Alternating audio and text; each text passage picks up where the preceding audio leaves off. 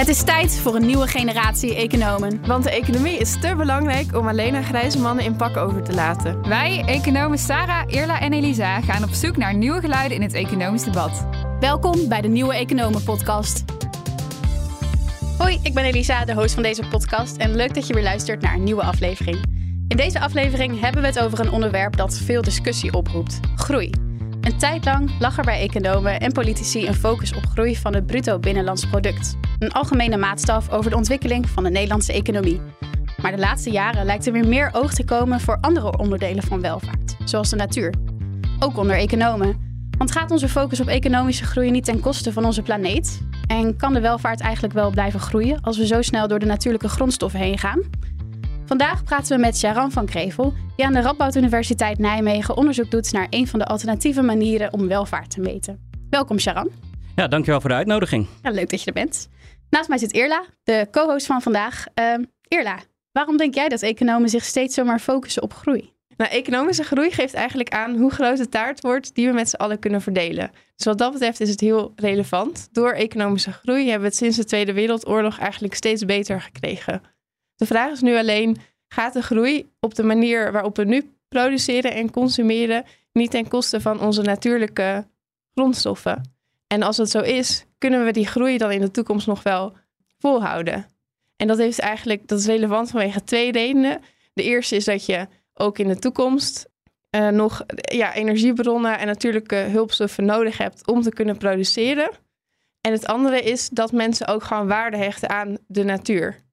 Uh, en als we dus de natuur eigenlijk verwoesten voor onze huidige productiemethode, dan gaat dat ten koste van welvaart op de lange termijn. Ja, hele grote vragen dus. En uh, wat hoop jij te leren van Sharan vandaag?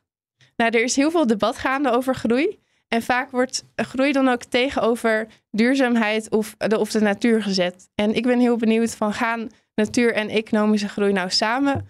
Moet je een keuze maken of heb je ze juist, moeten ze elkaar aanvullen? Het zijn inderdaad hele grote vragen. Ben ik ook benieuwd naar. en benieuwd wat uh, Sharan hierover te zeggen heeft.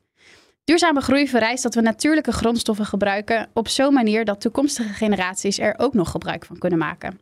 Sharan, in een van je onderzoeken behandel je de vraag in hoeverre onze welvaart in de toekomst afneemt als resultaat van ons huidige grondstoffengebruik. En hierin vergelijk je verschillende landen.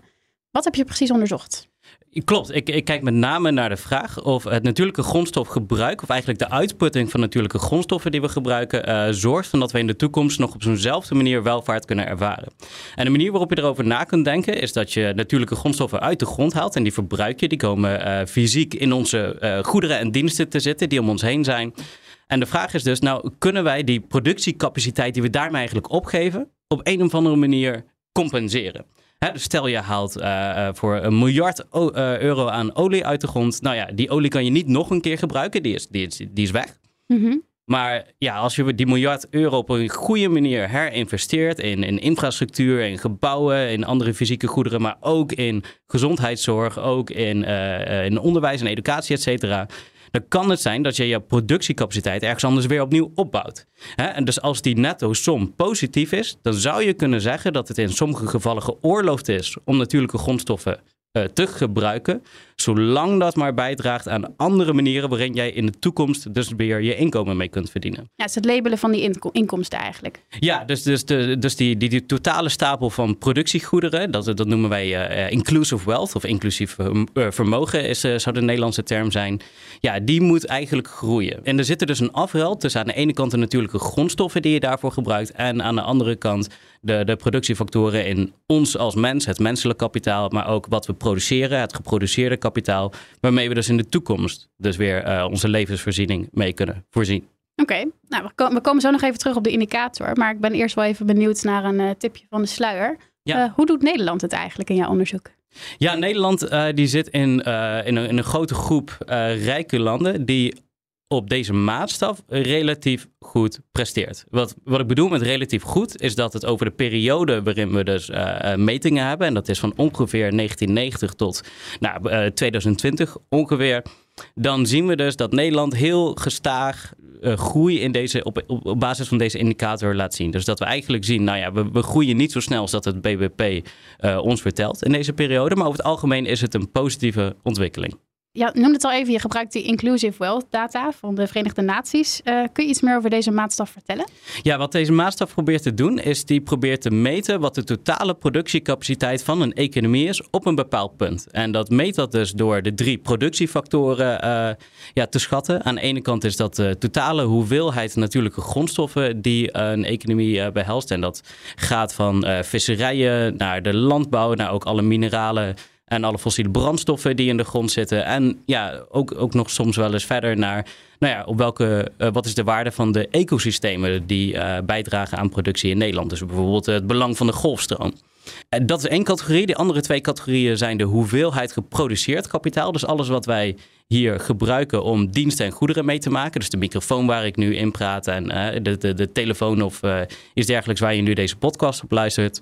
En het menselijk kapitaal. Dat is namelijk het vermogen van ons al in ons menselijk lichaam om bij te dragen aan het economisch uh, proces. Dus om ja, eigenlijk jouw arbeid te leveren. Nou, als we dat allemaal bij elkaar optellen, dan geeft dat eigenlijk aan aan de ene kant wat de productiecapaciteit is van een land op een bepaald moment.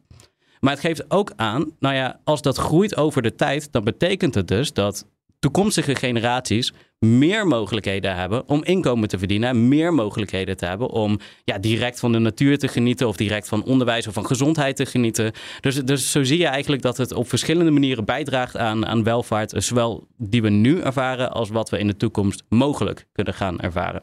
Stel dat ik nou gas win in Groningen en uh, ik gebruik dat om uh, consumptiegoederen te maken dan neemt het kapitaal eigenlijk af van Nederland. Precies, ja. Dus, dus als je dat dan niet compenseert, dan zou je zeggen dat, dat de, de totale som van inclusief vermogen afneemt. Ja. En als ik gas win en ik investeer daarmee in het Nederlandse trein, het treinsysteem, dan zou dat ervoor kunnen zorgen dat het kapitaal van Nederland gelijk blijft.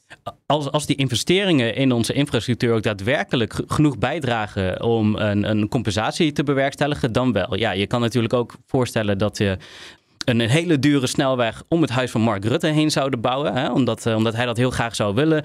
Nou ja, dan, dan is het wel een hele dure investering. Maar dan is de bijdrage daarvan aan de economie eigenlijk behoorlijk gering. Dus het gaat er wel om ja, wat de waarde is van die investering. Of die wel bijdraagt aan de maatschappij of dat hij dat niet doet. Je zei net dat Nederland best wel goed scoort in vergelijking met andere landen. Ik ben daar ook wel ergens verbaasd over. Want ik had al het idee dat Nederland is een hele energie-intensieve economie. En we hadden altijd heel veel gas in Groningen. En daar hebben we miljarden aan verdiend. Maar ik had altijd het idee dat we dat niet heel goed investeerden. Dus dat we dat gewoon hebben gebruikt om meer te consumeren. Ja, ik, ik denk en, en, en, ik zeg, ik denk omdat het uh, voor mij ook een vermoeden is dat jouw onderbuikgevoel daar, daar, daar redelijk goed is. Maar ik denk dat er twee, ja, twee dingen op te zeggen zijn. Ten eerste is de, dat die periode waarin je beschrijft dat je zegt, nou, we halen heel veel gas uit Nederland uit de grond en dat gebruiken we met name voor bijvoorbeeld sociale zekerheid en wat minder voor investeringen in, in die vormen van kapitaal. Dat heeft met name geduurd tot 1990, 1995. De data die ik gebruik om te kijken naar prestaties, die beginnen vanaf 1990. Dus het ah. kan zijn dat je helemaal gelijk hebt, maar dat we simpelweg niet de data hebben om dat te bevestigen. Maar ja, het, het, klopt inderdaad wel dat, dat wat daarvoor gebeurde, voordat mijn data begon, dat Nederland uh, niet bekend staat om het goed gebruiken van natuurlijke grondstoffen. Uh, daar is de immers... Dutch disease noemen ze dat ja, toch? Ja, de Nederlandse ziekte hebben ze inderdaad naar ons vernoemd. En dat, doen, en dat hebben ze niet gedaan omdat we het nou uh, zo, zo, tof deden. Maar aan de andere kant is het, ja, wat, wat ook uit mijn onderzoek blijkt, is dat ja, natuurlijke grondstoffen zijn belangrijk. Maar wat misschien nog wel het belangrijkste is voor een goed functionerende economie, een productieve economie, is menselijk kapitaal. Hoe goed wij zijn opgeleid, hoe hoog wij zijn opgeleid en hoe gezond wij zijn. Nou ja, als we naar Nederland kijken, dan uh, zien we sowieso relatief kleine verschillen tussen man en vrouw. Beide zijn uh, uh, actief in de, op de arbeidsmarkt. Hele hoge levensverwachtingen vergeleken met het wereldgemiddelde. En we zijn super hoog opgeleid. Nou ja, dat, dat is met name waar de kracht in Nederland vandaan komt. En dat is waar, waarom wij onszelf ook een kenniseconomie noemen. Ik vraag me nog wel af, je had het er dus net over dat, dat, dat een land het over het algemeen goed doet als zij het geld wat zij winnen aan bijvoorbeeld dat grondstofgebruik gebruiken op de juiste manier. Hoe weet je nou dat dat geld wat zij investeren in bijvoorbeeld onderwijs komt uit hun grondstofgebruik? Ja, dat is, dat is eigenlijk bijna niet direct aan elkaar te koppelen. Als je het op, uh, uh, eigenlijk naar een Nederlandse balans kijkt, ja, dan wordt er wel gezegd: als we hier 4 miljard vandaan halen, dan gaan we daar 4 miljard uit, uh, aan uitgeven. Maar uiteindelijk is een Nederlandse staatsbalans eigenlijk gewoon het, het balanceren van de inkomsten en, en uitgaven. Uh, dus die koppeling kan je eigenlijk op een overheidsniveau helemaal niet maken. Op een landsniveau geldt dat al eigenlijk nog sterker. Dus het enige wat je erover kan zeggen is, nou ja, we zien dus dat een afname van het natuurlijke kapitaal in Nederland of in een ander land ervoor zorgt of gecorreleerd is, hè, dat het een verband houdt met de snelheid waarmee het totale kapitaal groeit. En ja, dus als je het verband ziet als natuurlijk kapitaal afneemt en je gaat erdoor sneller groeien, dan kan dat eigenlijk maar bijna één verklaring hebben. En dat is namelijk dat je het goed herinvesteert. Je gebruikt eigenlijk beschrijvende statistieken om dit uh, hard te maken. Um, voor, voor een deel, maar eh, ja, de, de, de, de wetenschappelijke methode is de regressieanalyse, die uh, sommige luisteraars misschien uh, wel heel goed kennen. Maar dat is, ja, dat is hoe ik tot mijn conclusies kom in de meeste onderzoeken. Ja. Oké, we hadden het net over Nederland. Hoe doen dan andere landen, zoals bepaalde ontwikkelingslanden? Het ziet er natuurlijk heel anders uit. Ja, ja de, de, um, het beeld bestaat vaak dat ontwikkelingslanden het relatief slecht doen. En dat is het, het paradoxale dat juist de ontwikkelde landen het doorgaans slechter doen dan de ontwikkelingslanden. Dus ontwikkelingslanden die lijken um, veel sneller, nee, niet veel sneller te groeien, maar die lijken juist hun natuurlijke kapitaal daar meer uit te halen dan ontwikkelde landen. En dat klinkt heel paradoxaal, maar er is eigenlijk een hele logische verklaring voor. In Nederland zijn wij al super hoog opgeleid. In Nederland zijn we al heel erg gezond. Dus om nog meer gezondheidswinst te boeken um, of zoveel geld te investeren dat, dat uh, onze gasten hier hun tweede PhD kunnen gaan doen, ja, dat draagt niet meer heel veel bij aan de economie. Als je um, uh, 1000 euro investeert in ergens in Sub-Sahara-Afrika, dan kan je met ja, relatief weinig geld heel veel winsten pakken. Dus ook, al haal je daar natuurlijke grondstoffen uit de grond. En misschien gebeurt er, gebeuren er wel hele slechte dingen zoals corruptie en, en inefficiënte investeringen. Is daar, daar zoveel laaghangend fruit dat ze daar alsnog hele positieve dingen mee kunnen doen. En de voorwaarde is dan denk ik wel dat die baten dus ook ten goede komen aan het land zelf. Dus stel Shell gaat uh, naar uh, olieboren dan, en, en we nemen die inkomsten mee, dan heeft het land er niks aan. Ja, dat, dat, dat, vermoeden bestaat inderdaad wel. Er is wel een patroon zichtbaar dat wanneer er echt hele sterke handelsrelaties bestaan tussen uh, westerse landen uh, en China aan de ene kant en bepaalde ontwikkelingslanden de an, aan de andere kant die natuurlijke grondstoffen leveren, dat juist die landen heel slecht presteren. En ja, dat is natuurlijk geen toeval dat als de grote M&A's bij deze, dit soort landen binnenvallen, nou binnenvallen is misschien het verkeerde woord, maar actief zijn, dat deze landen dan opeens heel slecht presteren onder deze maatstaf. Ja, dat is misschien een beetje een algemene vraag. Maar, maar wat hebben we nou precies aan deze kennis? Dat uh, ontwikkelingslanden het, relatief beter doen als we mm, rekening houden met inclusive wealth vergeleken met eh, BBP? Nou, ik denk dat het aangeeft dat er kansen bestaan dat als jij uh, nog of als land heel weinig geproduceerd kapitaal hebt, je bent toch een ongezonde, laag opgeleide bevolking en je hebt wel heel veel natuurlijke grondstoffen, dat er ook een kans bestaat dat je de mogelijkheid hebt om daaruit te groeien. Dus dat er ook wel degelijk een, een mogelijkheid is om in de toekomst, uh, stel je hebt nu heel veel mineralen en, en, uh, en metalen, dat je in de toekomst daar een, in, een, in een soort ja, geavanceerde economie uit kunt komen. Dus dat het niet zozeer per se is dat nou, natuurlijke grondstoffen is slecht, je hebt nog niks. En daarom zal de toekomst heel pessimistisch zijn. Maar het geeft aan dat het mogelijk is. En dan is het de grote vraag natuurlijk, oké, nou maar hoe gaan we dat regelen? Dus door die toekomst mee te nemen, kijk je eigenlijk meer naar de, de potentie voor uh, welzijn of welvaart. Ja, ja, ik probeer natuurlijk wel te, te, extrapoleren. Dat als ik zeg, als, als bij sommige landen het in het, in het verleden heel goed is gegaan. Um, en, en die, die die omzetting van natuurlijk kapitaal naar andere kapitaalvormen, die kan. Nou, er zijn een hele hoop landen die dat nog in de toekomst moeten gaan doen. Die kunnen daar dus ook van leren. Ik ben ook wel benieuwd. In de politiek wordt er uh, vaak gesproken over uh, brede welvaart. We hebben een monitor brede welvaart nu. En er is heel veel discussie over allemaal andere indicatoren. Hoe verhoudt die inclusive wealth maatstaf waar jij het nu over hebt zich tot uh, bijvoorbeeld de brede welvaart? Ja, dus, dus in Nederland hebben we wat veel gebruikt wordt, is de monitor brede welvaart. Hè? En, en de monitor brede welvaart bestaat uit drie onderdelen. Dus het, het hier en nu, de toekomst en elders. Als je kijkt naar uh, de toekomst, dan zie je dat dat eigenlijk bijna één op één overeenkomt met inclusive wealth. Dus je ziet wat de toekomst van de monitor brede welvaart probeert te meten zijn de kapitaalstokken. Ze maken daar een, een klein onderscheid in dat ze sociaal kapitaal uitzonderen. En in inclusive wealth zit dat ergens anders in de vergelijking. Maar in principe is de filosofie erachter hetzelfde. Dus je ziet daar ook wel grote overeenkomst tussen.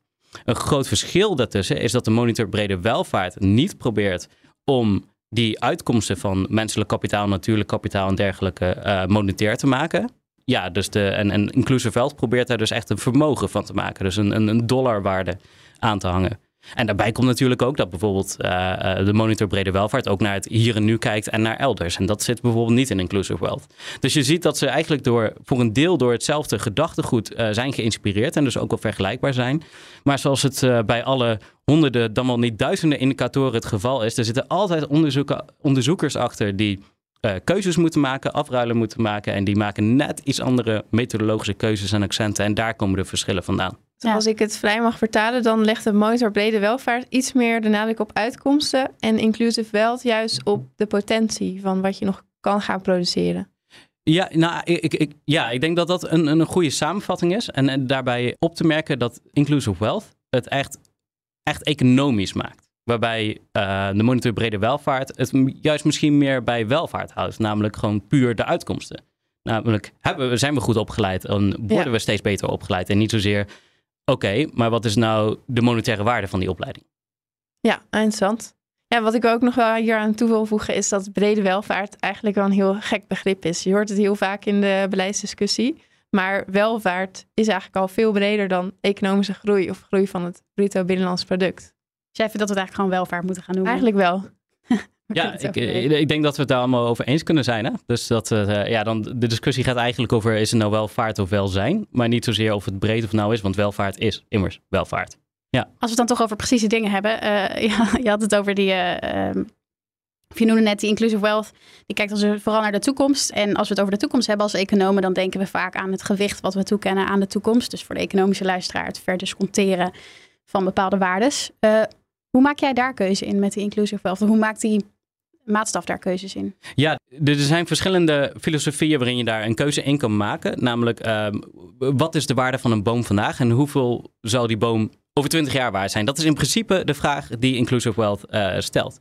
De manier waarop zij beantwoorden is dat zij zeggen: we kijken naar de gemiddelde waarde van die boom in de markt. Dus tussen 2009, of, uh, eh, 1990 en 2010 is, die, is de gemiddelde waarde van die boom als we een boom in, op de wereldmarkt aanbieden, is die, laten we zeggen, 50 euro. Nou ja, dan pakken we dat als gemiddelde naar de toekomst. En daar, daar, daar merk je gelijk aan. Er is een hele hoop op aan te merken. Maar het is natuurlijk ook een, een, een, ja, vooral een praktische overweging. Want ja, we, we, kunnen op verschillende manieren die boom waarderen. Namelijk, hè, hoeveel draagt het bij aan uh, de, de CO2 die het uit de lucht haalt? En wat zouden CO2-kosten zijn als die in de lucht zouden zijn qua klimaatverandering? Nou ja, dan heb je het over een veel moeilijkere berekening. Dus, dus die, die inclusive wealth methodologie die maakt dit soort inschattingen, namelijk hoeveel is iets waard in de toekomst. En dat doet het of door naar de markt te kijken of op andere eh, eh, manieren, door schaduwprijzen te gebruiken en dergelijke. Maar ja, dat, dat, is, dat vind ik gelijk het grote minpunt. Daar is vaak best veel op aan te merken. En ja, ik, ik, ik, ik, ik zie het maar zo, die, die, die, die maatstaf die is pas tien jaar geleden ongeveer begonnen. En die is nog in ontwikkeling. Het is een veel ambitieuzer project dan dat BBP ooit is. En BBP is inmiddels meer dan 100 jaar of bijna 100 jaar oud. Inclusive Wealth uh, moet nog uh, eh, 10 jaar. Inclusive Wealth is nog een peuter. Dus laten we het nog even de tijd geven. Zo kijk ik ernaar. Het probleem is eigenlijk dat stel uh, we gaan in de komende 10 jaar veel meer inzetten op het verminderen van klimaatverandering. En daardoor wordt die boom meer waard. Dan hebben we dat dus nog niet meegenomen in de Inclusive Wealth cijfers van nu. Ja, dat klopt helemaal. Maar ja, de, hier, hier heb je gelijk weer een heel belangrijk punt wat ja, wat misschien wel interessant is om, om, om te vermelden. Want er is een, een, een concurrent van Inclusive Wealth. Die heet Comprehensive Wealth. En die proberen eigenlijk allebei hetzelfde te doen, maar op een andere manier. Dus Comprehensive Wealth, die zegt namelijk wel... hey, als die, als die boom nou heel veel meer waard wordt... dan nemen we dat effect mee. En Inclusive Wealth... Dynamischer dus. Sorry? Wat dynamischer. Het, het is wat dus. dynamischer, ja. Maar dan krijg je dus de, de paradox... dat als jij heel veel olie in de grond hebt zitten en jij haalt minder olie uit de grond dan die andere landen, dan betekent het dus dat olie zoveel meer waard wordt, dat eigenlijk alles wat je uh, uit de grond hebt gehaald, meer dan wordt gecompenseerd, alleen omdat olie meer waard is geworden, dus door de prijsstijging. Dus dan krijg je van die hele gekke dingen dat jij bent rijker geworden, simpelweg omdat andere landen meer olie uit de, uit de grond hebben gehaald. En, en ja, als we het hebben over een, een maatstaf van duurzame groei, dan denk ik niet dat dit verschijnsel uh, verdedigbaar is. Het is voor andere redenen verdedigbaar. Ja, het zijn wel echt ongelooflijk veel keuzes dus. Maar hoe, hoe ben jij dan opgekomen om precies deze te gebruiken? Ja, dat, eh, dat, dat is een hele goede vraag. En dan moeten we inmiddels ook weer een paar jaar geleden uh, teruggaan. Dus ik weet niet of ik zo goed in mijn geheugen kan graven. Maar ik, ik weet dat ik bezig was met te kijken naar... Nou ja, we, we zijn bezig met economische groei. En economische groei wordt altijd gedefinieerd door BBP. En ik was daar vrij snel mee oneens. En ik dacht, welke alternatieven zijn er dan? En ik weet dat deze maatstaf wordt aangehangen door, nou ja, het wordt door de United Nations uh, uh, aangeraden. En, en Nobelprijswinnaar uh, Kenneth Arrow bijvoorbeeld is een van de grote voorvechters van deze maatstaf. Dus zo ben ik erachter gekomen. En ik denk, nou ja, als, als Kenneth Arrow enigszins achter deze maatstaf staat, dan zou het voor mijn promotieonderzoek misschien wel voldoende zijn om het te gebruiken. Maar het kan dus ook zomaar zijn geweest dat als ik toevallig een andere maatstaf was tegengekomen, dat ik misschien daar eerder voor was gegaan. Ja, dus achteraf denk ik dat het. Ja, er zijn honderden maatstaven. En uiteindelijk gaat het er niet om dat één maatstaf iets beter is dan iets anders. Maar het gaat er vooral om welke maatstaf je waarvoor gebruikt. En ik denk voor het onderzoek wat ik heb gedaan dat inclusive wealth het beste is. Maar dat betekent niet dat ik per se hier vandaag tegen jullie zeg: inclusive wealth is dé maatstaf die alles moet vervangen. Want dat is natuurlijk ook niet waar. Nee, het is ook wel jammer eigenlijk dat je dat niet zomaar kan zeggen. Dat zou wel makkelijk zijn. Ja, maar ik denk dat als er een maatstaf was die zo makkelijk BBP zou vervangen, dan hadden we deze discussie ook niet gehad natuurlijk. Ja, het is ook een politieke keuze natuurlijk, wat je het belangrijkste vindt. Maar Ja. volgens mij wilden we daar straks nog op Precies, we gaan straks allemaal bespreken wat wij allemaal het belangrijkste vinden. Dat is ook eh, belangrijk. Kijk naar uit. Laten we eerst even het hebben over je andere onderzoeken. Want een van, in een van die andere onderzoeken bespreek je de convergentiehypothese. Eh, deze bekende hypothese voor economen stelt dat economieën in verschillende landen en regio's steeds meer op elkaar zullen lijken. En op termijn zelfs identiek zullen zijn. Dit houdt dus in dat arme landen de rijke landen vanzelf in zullen halen. En dat de kloof tussen arm en rijk dus kleiner wordt. Deze hypothese bouwt voor op het voor economen bekende Solo-Swan-model, ontwikkeld in de jaren 50. Sharon, eh, wat voegen jullie nou toe aan deze superoude modellen? De, de modellen die laten we eh, redelijk voor wat ze zijn. Maar ehm, ik, ik begin eigenlijk bij een bepaalde observatie. Die, dat Solus-Van-model, dat zegt dat die, die lange termijn economische groei, die wordt gedreven door het feit dat wij per arbeider steeds meer kapitaal tot onze beschikking hebben. Dan zou je dus ook verwachten dat als wij lange termijn BBP-groei observeren, wat we nu ook doen in de wereld, dat die, eh, die andere indicator, namelijk hoeveel kapitaal we per arbeider hebben, dat die meegroeit. Want nou ja, als dat model zo zou werken, dan zouden ze allebei dezelfde kant op gaan. Inclusive wealth meet dus hoeveel kapitaal we per arbeider hebben. En als we dan zien dat bij ja, eh, toch wel een derde van de landen die twee losgekoppeld zijn van elkaar, dat, ze aan de ene kant, dat aan de ene kant BBP-groei plaatsvindt, maar dat ze minder kapitaal per arbeider hebben, dan kan je dus de grote vraag stellen: zijn we ook wel echt aan het convergeren op de lange termijn? Want ja, werkt die theorie dan wel op de manier waarop die zo beschreven is?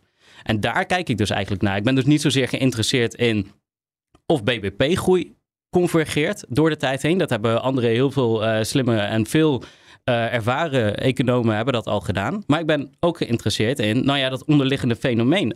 Als die productiecapaciteit dan de oorzaak is voor convergentie, zien we dan ook dat productiecapaciteit convergeert. En daar gaat het onderzoek eigenlijk over. En? Nee, die convergeert niet. Nee, dat is. eh, Nee, er zijn eigenlijk twee, twee dingen die je daaruit uit kunt halen. Dus als je echt eh, naar het verschil kijkt tussen arm en tussen rijk. Hè, dus ja, je moet het zo zien dat, dat het een beetje een normale distributie is. Dus de rijke landen zitten helemaal rechts als je een, een plaatje voorstelt. En de, de arme landen zitten helemaal links. Maar de meeste landen zitten in het, in het midden. Dan zie je dat het verschil tussen helemaal rechts en helemaal links, dus tussen arm en rijk, die kloof, die blijft gelijk. Ze worden allebei wel langzamerhand rijker, maar de afstand daartussen, op welke manier je het ook meet, blijft praktisch hetzelfde. Over de tijd heen. Over de tijd Ja. heen, ja. Eh, het andere wat je ziet, is dat die grote middengroep, en dat zijn met name de landen die dus wel heel veel natuurlijk kapitaal hebben, maar nog niet zoveel andere vormen kapitaal, die convergeren naar de arme groep. Dus die Oh. gaan de verkeerde kant op. Dus, dat, dus, dus eigenlijk wat je ziet is dat we nu een soort normale distributie hebben met een grote eh, bult in het midden. En dat is dus een beetje aan het verschuiven naar twee bulten. Een kleinere bult rechts, de rijke landen, en een grotere bult links, de armere landen. Ik ben nog wel een beetje in de war. Want eerder zei je bij je eerdere onderzoek dat de ontwikkelingslanden eigenlijk hoger scoren op inclusive wealth. Dus zij zijn beter in staat om van de inzet van kapitaal meer kapitaal te maken eigenlijk.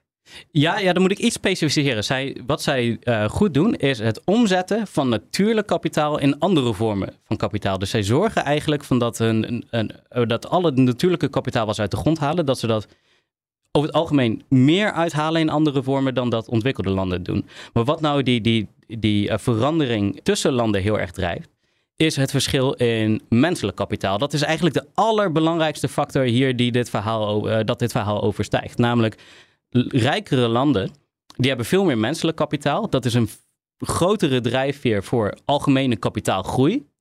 En daardoor zien we dat rijkere landen ehm, dus ook beter presteren dan landen die eh, natuurlijk kapitaal hebben.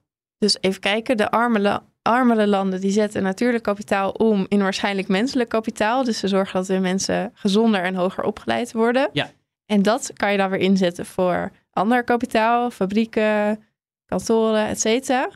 Maar omdat zij dus achterlopen al in dat menselijk kapitaal. Dus wij hebben al zoveel menselijk kapitaal dat we wat we dus weer omzetten in die fabrieken, kantoren, wat dan ook. Ja. Dat we altijd een voorsprong hebben. Precies, ja. En, en dus dat onderzoek zegt dus eigenlijk ook, de, die voorsprong die wordt niet ingehaald. Ehm, dus, dus die kloof tussen die twee, die blijft redelijk gelijk. Ondanks dat dus het menselijk kapitaal in die ontwikkelingslanden relatief hard groeit.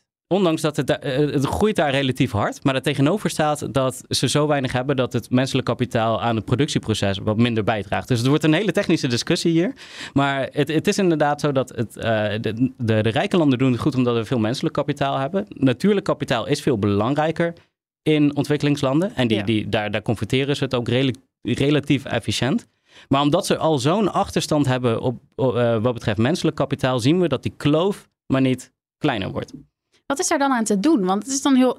Nou, je hebt dan aan de ene kant dat goede nieuws dat die ontwikkelingslanden zoveel potentie hebben. En dan het slechte nieuws dat ze dus eigenlijk helemaal niet zoveel beter gaan doen. Ja, ik, denk dat wat hier aan te doen is, dat betekent, we hebben het nu heel erg over algemene. eh, we hebben het over verschillende landen die we allemaal in één hokje gooien en allemaal eh, in één groep gooien. Voorbeelden zijn welkom hoor. Ja, nee, dus die, die, bijvoorbeeld die, die, die, middelste groep landen, daar zitten ook landen tussen die het heel erg goed doen. Dus de- denk aan Botswana, maar ook bijvoorbeeld China en India. Dat zijn landen die, ehm, China heeft ook heel veel natuurlijke grondstoffen, die presteren juist supergoed op deze maatstaf. Dus er is toch wel een mogelijkheid om dat op zo'n manier om te zetten naar natuurlijk, of het, het natuurlijk kapitaal om te zetten naar menselijk kapitaal, dat je toch naar die grote groep rijke landen kan trekken. En dan heb je eh Uruguay bijvoorbeeld ook zo'n land wat, wat, het heel goed doet. Dus er is echt vervolgonderzoek nodig om te kijken wat gaat er nou precies goed in deze landen en waarom kunnen andere landen dat, dat niet nabootsen. En dat is eigenlijk ook het, het tweede gedeelte waar, waar mijn, eh, van mijn proefschrift waar ik, het, eh, waar ik nog mee bezig ben. Ja. Ja, want kun je dan kijken naar verschillen in kak- karakteristieken tussen eh, landen in de middengroep en de lagere groep bijvoorbeeld?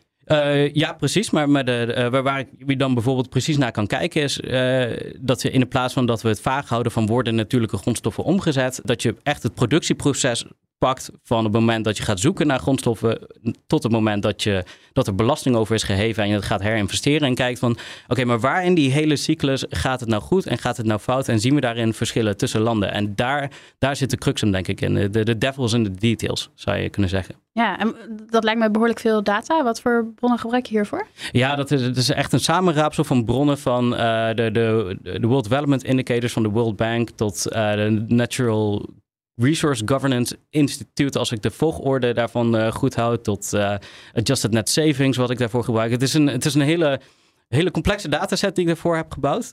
Ja, daar, daarin zien we wel een aantal patronen. Namelijk dat daar waar veel corruptie plaatsvindt, daar waar veel M&A's uit het buitenland eh, aanwezig zijn, daar zien we vooral dat de pijnpunten komen. En dat bijvoorbeeld landen die hun natuurlijke grondstofcyclus heel erg in het binnenland houden en dat ook de, de, er veel belasting over wordt gegeven en weinig corruptie eh, in dat land plaatsvindt, daar lijken met name de succesverhalen te liggen. Dus, dus dan kom je eigenlijk meer op het, op het, op het beleidseffect of het beleidsterrein waarbij je zegt, oké, eigenlijk moet de governance moet goed zijn om dit inclusive wealth verhaal eh, ook een succes te maken voor andere landen.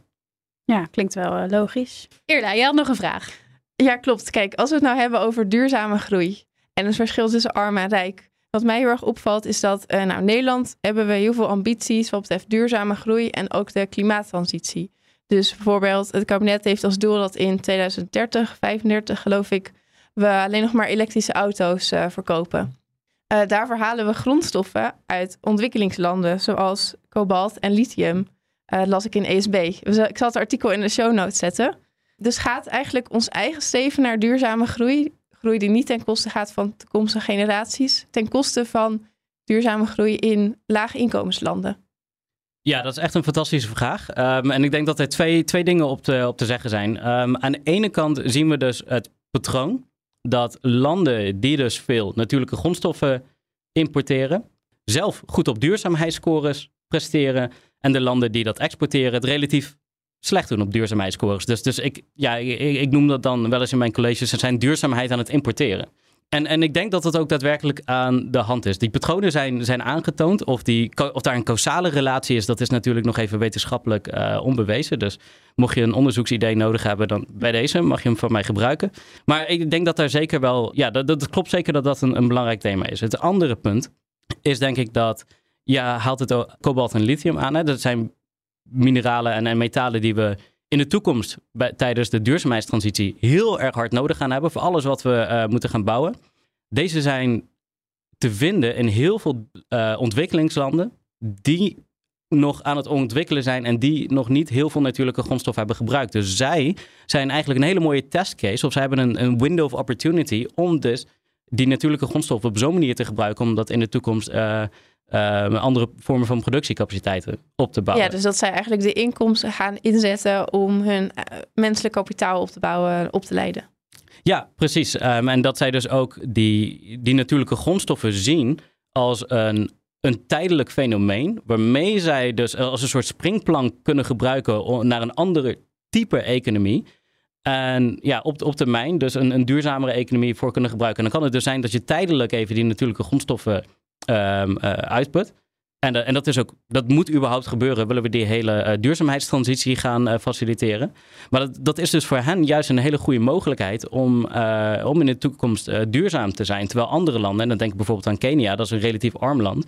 Ja, die hebben nu net hele grote olievelden en gasvelden gevonden. Ja, dat is, is wel hele um, ongelukkige timing op het moment dat we dat aan het uitfaseren zijn. Het vereist eigenlijk dat we het klimaatbeleid misschien ook iets anders bekijken. Dus misschien moeten we juist wel in de rijke landen die elektrische auto's, et cetera, uh, gaan inzetten. Want wij kunnen dat goed produceren.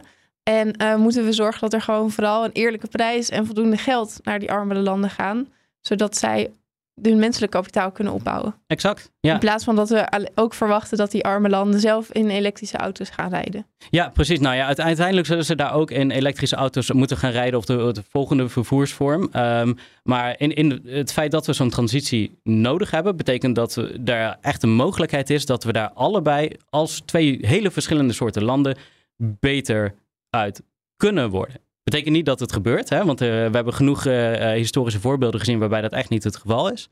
Maar die mogelijkheid uh, bestaat er wel. En dat zou eigenlijk dus ook een van de prioriteiten moeten zijn. Um, hoe kunnen we dit een win-win situatie maken? Omdat we het eigenlijk in het verleden vaak als win-verlies situatie hebben georganiseerd. Ja, dat lijkt me een goede les voor de beleidsmakers die nu luisteren naar de podcast. Ik wilde ook weer even de discussie terugpakken naar hoe wij welvaart niet brede welvaart zoals Eerla al zei, hoe wij welvaart meten binnen Nederland. En uh, welvaart is ook een onderwerp waar onze luisteraars heel erg mee bezig zijn. We hebben zelfs een vraag binnen van een van onze luisteraars, uh, van Remco Terweide. Remco is hoofdeconoom bij het ministerie van Binnenlandse Zaken en Koninkrijksrelaties en denkt onder andere na over hoe we het welvaartsdenken kunnen integreren in de besluitvorming. Ik uh, laat het even horen. Kan een einde aan economische groei het klimaat redden en grondstoffen circulair maken? Of is groei juist nodig om te verduurzamen? Ja, ik denk dat uh, dat laatste sowieso niet het geval is. We hebben geen groei nodig om te verduurzamen. Maar ik denk dat het goed is dat we heel even stilstaan bij wat groei precies is. Want we hebben het standaard over groei als hè, uh, toename van het BBP. Namelijk die, de, de taart waar Eerla eerder naar uh, refereerde, dat die groter wordt. Nou ja, die taart mag best wel kleiner worden. Maar ik denk dat er twee belangrijke uh, aspecten daaraan zitten. Aan de ene kant is dat het economische perspectief. Namelijk, het gaat niet zozeer om de taart die we vandaag hebben, maar het gaat om de, de, de capaciteit van de taartenfabriek waarmee we taarten maken. De potentiële taart. De potentiële taart, ja. De potentiële toekomsttaart. Um, ja, en, en daar gaat Inclusive Wealth bijvoorbeeld over. Die zegt, nou, wat is de omvang van de taarten die wij in de toekomst kunnen maken? Dus het kan heel goed zijn dat wij zeggen, nou, het is heel duurzaam om vandaag een kleinere taart te nemen, zodat we in de toekomst grotere taarten kunnen maken. Aan de andere kant gaat het er ook om, wat zit er precies in die taart? En dan, dan komen we eigenlijk weer een beetje terug op, het, uh, op de vraag, wat, wat is welvaart? Ja, als wij ja, BBP-krimp kunnen bewerkstelligen op zo'n manier van dat wij als mensheid daar gelukkiger van worden, doordat wij een gezondere natuur hebben of dat wij uh, minder roken. Hè, als we stoppen met roken, dan krijgen we BBP-krimp. Nou ja, dat lijkt me over het algemeen in heel veel opzichten lijkt me dat goed. Dus het, het gaat er ook om wat BBP precies meet. Welke goederen en services uh, gebruiken we? Dus alleen het feit dat we produceren of het feit dat we inkomen verdienen is niet zozeer relevant, maar wat produceren wij? En daar zit de winst denk ik duidelijk in. Dus als we duurzamer willen gaan produceren, Dan kan het zijn dat we daardoor minder produceren, dus daar hebben we BBP krimp. Maar dat gaat dus wel hand in hand met elkaar. En daar hoeven onze levens niet slechter van te worden, omdat we immers belangrijkere, betere dingen daarvan maken. Kan BBP-krimp er dan nu ook voor zorgen dat wij in de toekomst misschien wel juist weer een hoger BBP hebben? Dan als we het nu zo hoog mogelijk zouden hebben? Uh, ja, absoluut. En ik denk dat het voorbeeld van ontwikkelingslanden daar heel, veel, heel, heel goed voor geldt. Ja, als jij uh, nu minder olie uit de grond haalt, dat betekent dat van dat je in de toekomst een minder ver, uh, vernietigde economie hebt. En da daarom kan je in de toekomst meer geld verdienen. Ja. Ja, ik denk sowieso dat het tijd is om, om gewoon te gaan sturen op andere dingen dan BBP. Dat, dat vind ik niet alleen, dat vinden echt superveel mensen. Maar het valt me wel op dat het gewoon super langzaam gaat. Toen ik begon met werken bij ESB, vijf jaar terug, toen weet ik nog dat ik als enthousiaste, maar naïeve redactiemedewerker naar een uh, ronde tafelgesprek bij het Planbureau voor de Leefomgeving ging. En daar hadden we het al over die monitor brede welvaart, waar we die we al eerder hebben benoemd. En het ging toen eigenlijk nog maar over één discussie. En die discussie was Gaan we die indicatoren nou allemaal los presenteren op één dashboard? Of gaan we het samenvoegen tot één getal? En dan is er natuurlijk heel veel discussie over hoe je dat getal precies vormt. En toen dacht ik, nou, dat is mooi. Ik kwam vrij optimistisch ervan af. Ik dacht, we zijn er bijna. We hoeven eigenlijk nog maar één keuze te maken. En nu, vijf jaar later, hebben we die keuze dus gewoon nog steeds niet gemaakt. Wat is er nou voor nodig om dit een beetje te versnellen? Ja, wederom een hele goede vraag. En dat zeg ik niet alleen maar omdat we nu, uh, uh, ja, as we speak, bijna een onderzoek naar precies deze vragen aan het doen zijn. Namelijk, wat maakt het nou zo moeilijk om brede welvaart in, uh, in beleid te institutionaliseren? Denk ik dat het goede woord is. En je kan eigenlijk drie barrières erin uh, identificeren. Ten eerste is het zo dat wij in Nederland uh, gewoon niet een, een, een, verenigde, sterke visie hebben die wordt uitgedragen. Dat we zeggen, op deze manier gaan we het doen, op deze manier meten we en op deze manier integreren we dat in de beleidscyclus. We, we, we hebben hele goede initiatieven die met name ook door het parlement worden aangedragen om brede welvaart ja, belangrijker te maken. Dus het, het belang is er wel, maar we hebben niet een geconcentreerde, gelaserfocuste visie op hoe we dat moeten doen. Landen zoals Nieuw-Zeeland, landen zoals Finland hebben dat bijvoorbeeld uh, wel. En een van de redenen waarom dat zo is, is omdat we uh, heel erg gewend zijn om ons beleid te stoelen op modellen. Dus dat betekent ook, wil je beleid gaan sturen op brede welvaart, dan moet je economische modellen hebben die vertellen wat het effect van de ene knop bij de overheid is op een bepaalde brede welvaartsuitkomst. Je moet eigenlijk heel veel weten. Ja, we moeten extreem complexe modellen moet je daarvoor hebben. En daar wordt op dit moment wel aan gewerkt, maar die zijn er op dit moment nog niet. Dus als politici ja, die input nodig hebben, maar die, de modellen zijn er nog niet om dat, uh, om dat uit te leggen, ja, dan, dan is er ook wel een redelijke terughoudendheid van politici om te zeggen, nou ja, dan wacht ik nog wel even voordat we precies op brede welvaart gaan sturen. Want ja, um, als je stuurt, moet je wel weten waar je naartoe gaat. En daarnaast, nou, op BBP sturen is een stuk simpeler, want je kan BBP gewoon op ja, nationaal niveau meten, je kan het op uh, provinciaal niveau meten. Dat is vrij duidelijk. Maar bij brede welvaart is die, zeg maar, geografische, zijn die geografische verschillen heel erg onduidelijk. Dus stel jij woont bijvoorbeeld in Eindhoven, maar je werkt in Nijmegen.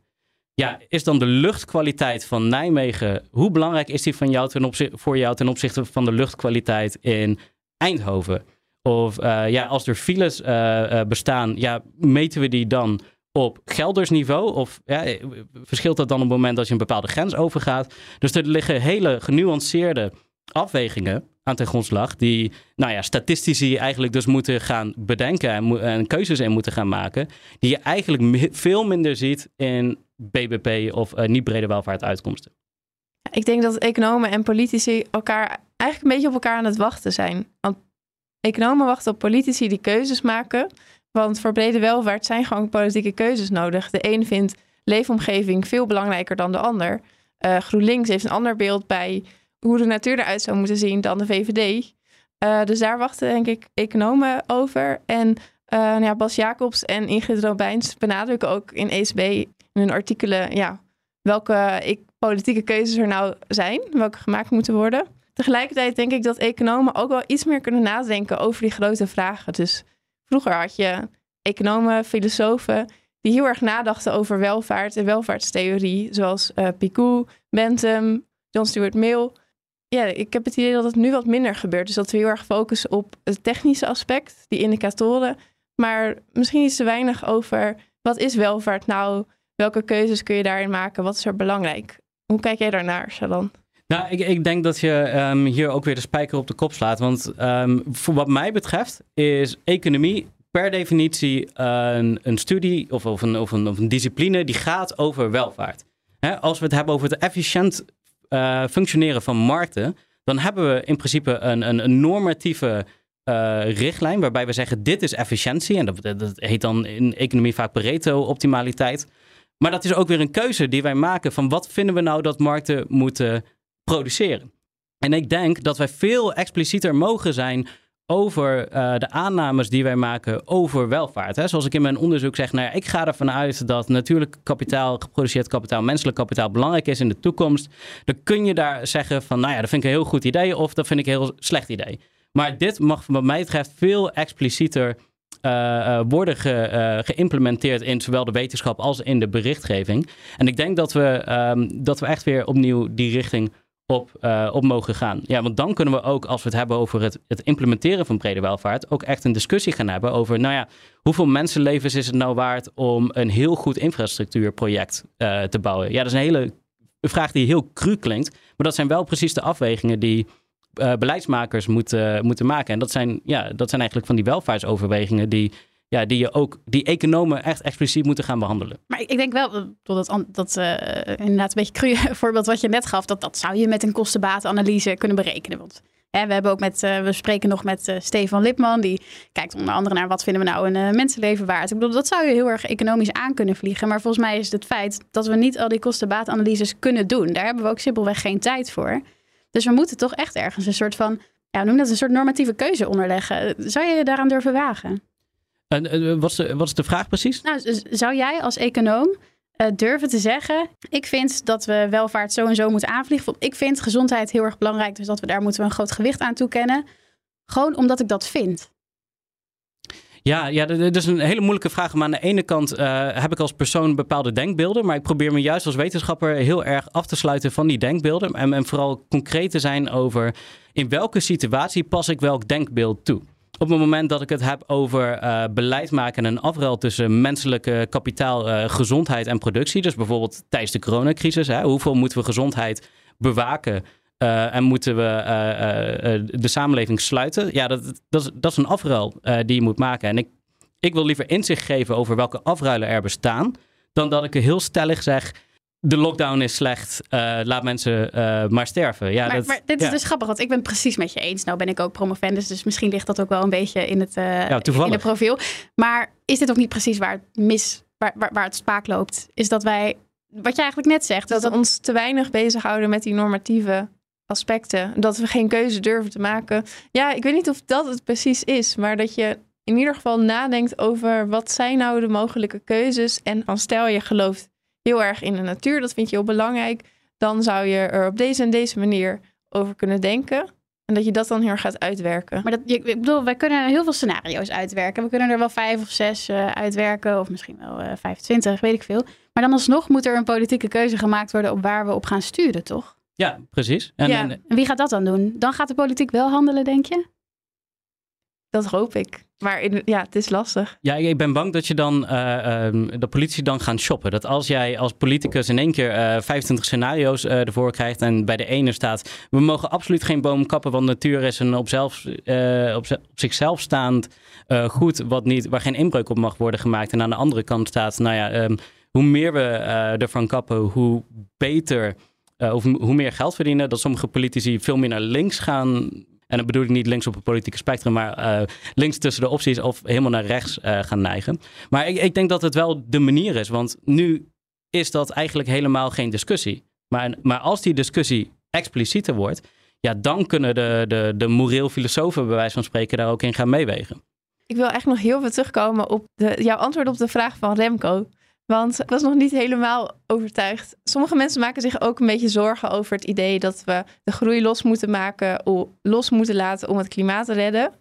Uh, dus in welke gevallen is het misschien goed om even wat minder economische groei na te streven? Ik denk niet dat groei nodig is. En ik kan nog wel een aantal uh, richtingen geven. Denk bijvoorbeeld aan de luchtvaart. In de luchtvaart, dat is een enorm vervuilende industrie. Op het moment dat we uh, daadwerkelijk een, laten we zeggen, een, een goede prijs zouden betalen voor kerosine. In plaats van dat we het subsidiëren, zouden we het keihard gaan belasten. Dat betekent dus absoluut dat dit economische krimp gaat veroorzaken. Maar het draagt heel erg bij voor duurzaamheid. En ik denk dat dit soort, uh, uh, dit soort acties noodzakelijk zijn. Maar als je dan ook kijkt van, nou ja, oké, als we minder gaan vliegen, wij hebben nog steeds redelijk wat inkomen, waar gaan we dat dan aan besteden? Of hebben we, we hebben superhoge belastingen op kerosine in plaats van een subsidie, waar gaan we dat belastinggeld aan uitgeven? Als we dat nou gaan uitgeven aan dingen waar met een hoog sociaal rendement zou je kunnen zeggen. Hè? Dus, dus uh, weet ik het wat, uh, jeugdzorg of uh, dingen waar we heel veel welvaartswinst kunnen halen. Dan kan het dus zijn dat die, dat die algemene koek wel, of taart was het, dat die taart wel kleiner wordt. Maar dat uiteindelijk wat we met het inkomen doen, eigenlijk veel dichter bij onze behoeftes liggen dan wat we nu doen. Dus dat het zowel duurzaam is, want we gaan minder vliegen en we hebben minder uit, uitstoot. En uh, BBP wordt minder, want hè, we, in de plaats van uh, dat we heel veel subsidie geven, doen we juist een hele beperkende belasting. Maar daar komen zulke herverdelingsdingen bij, dat in die herverdeling we ook best uh, welvaartswinst kunnen maken. En dat, dat is mijn, mijn, mijn heilige overtuiging wel. Sharon, wat voor onderzoek kunnen we nog van jou verwachten in de toekomst? Nou, ik ben dus nog met twee richtingen van onderzoek bezig. Enerzijds wat ik eerder heb gemeld, kijk naar hoe we brede welvaart kunnen implementeren in Nederland en welke barrières daar uh, op dit moment in bestaan. Dus dat is een. Uh, vind ik wel heel mooi dat, we, dat ik een keer echt wat praktisch doe, waar wat hopelijk ook echt effect sorteert in, in de wereld om mij heen. En dat het wat minder droog en wetenschappelijk is.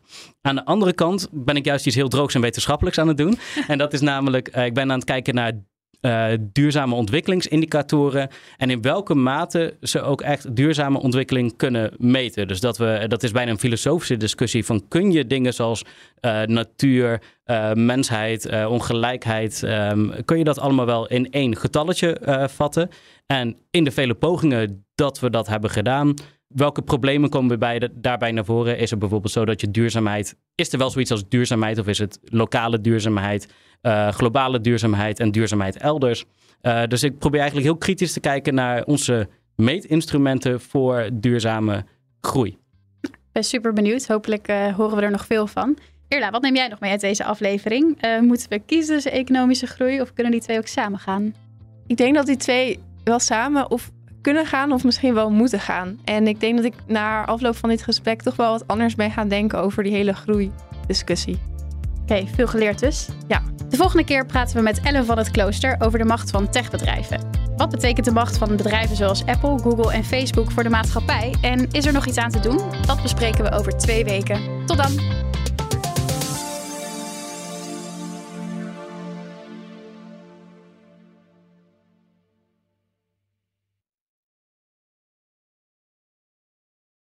Bij Delen Private Bank nemen wij het vermogen dat je opbouwt ter harte.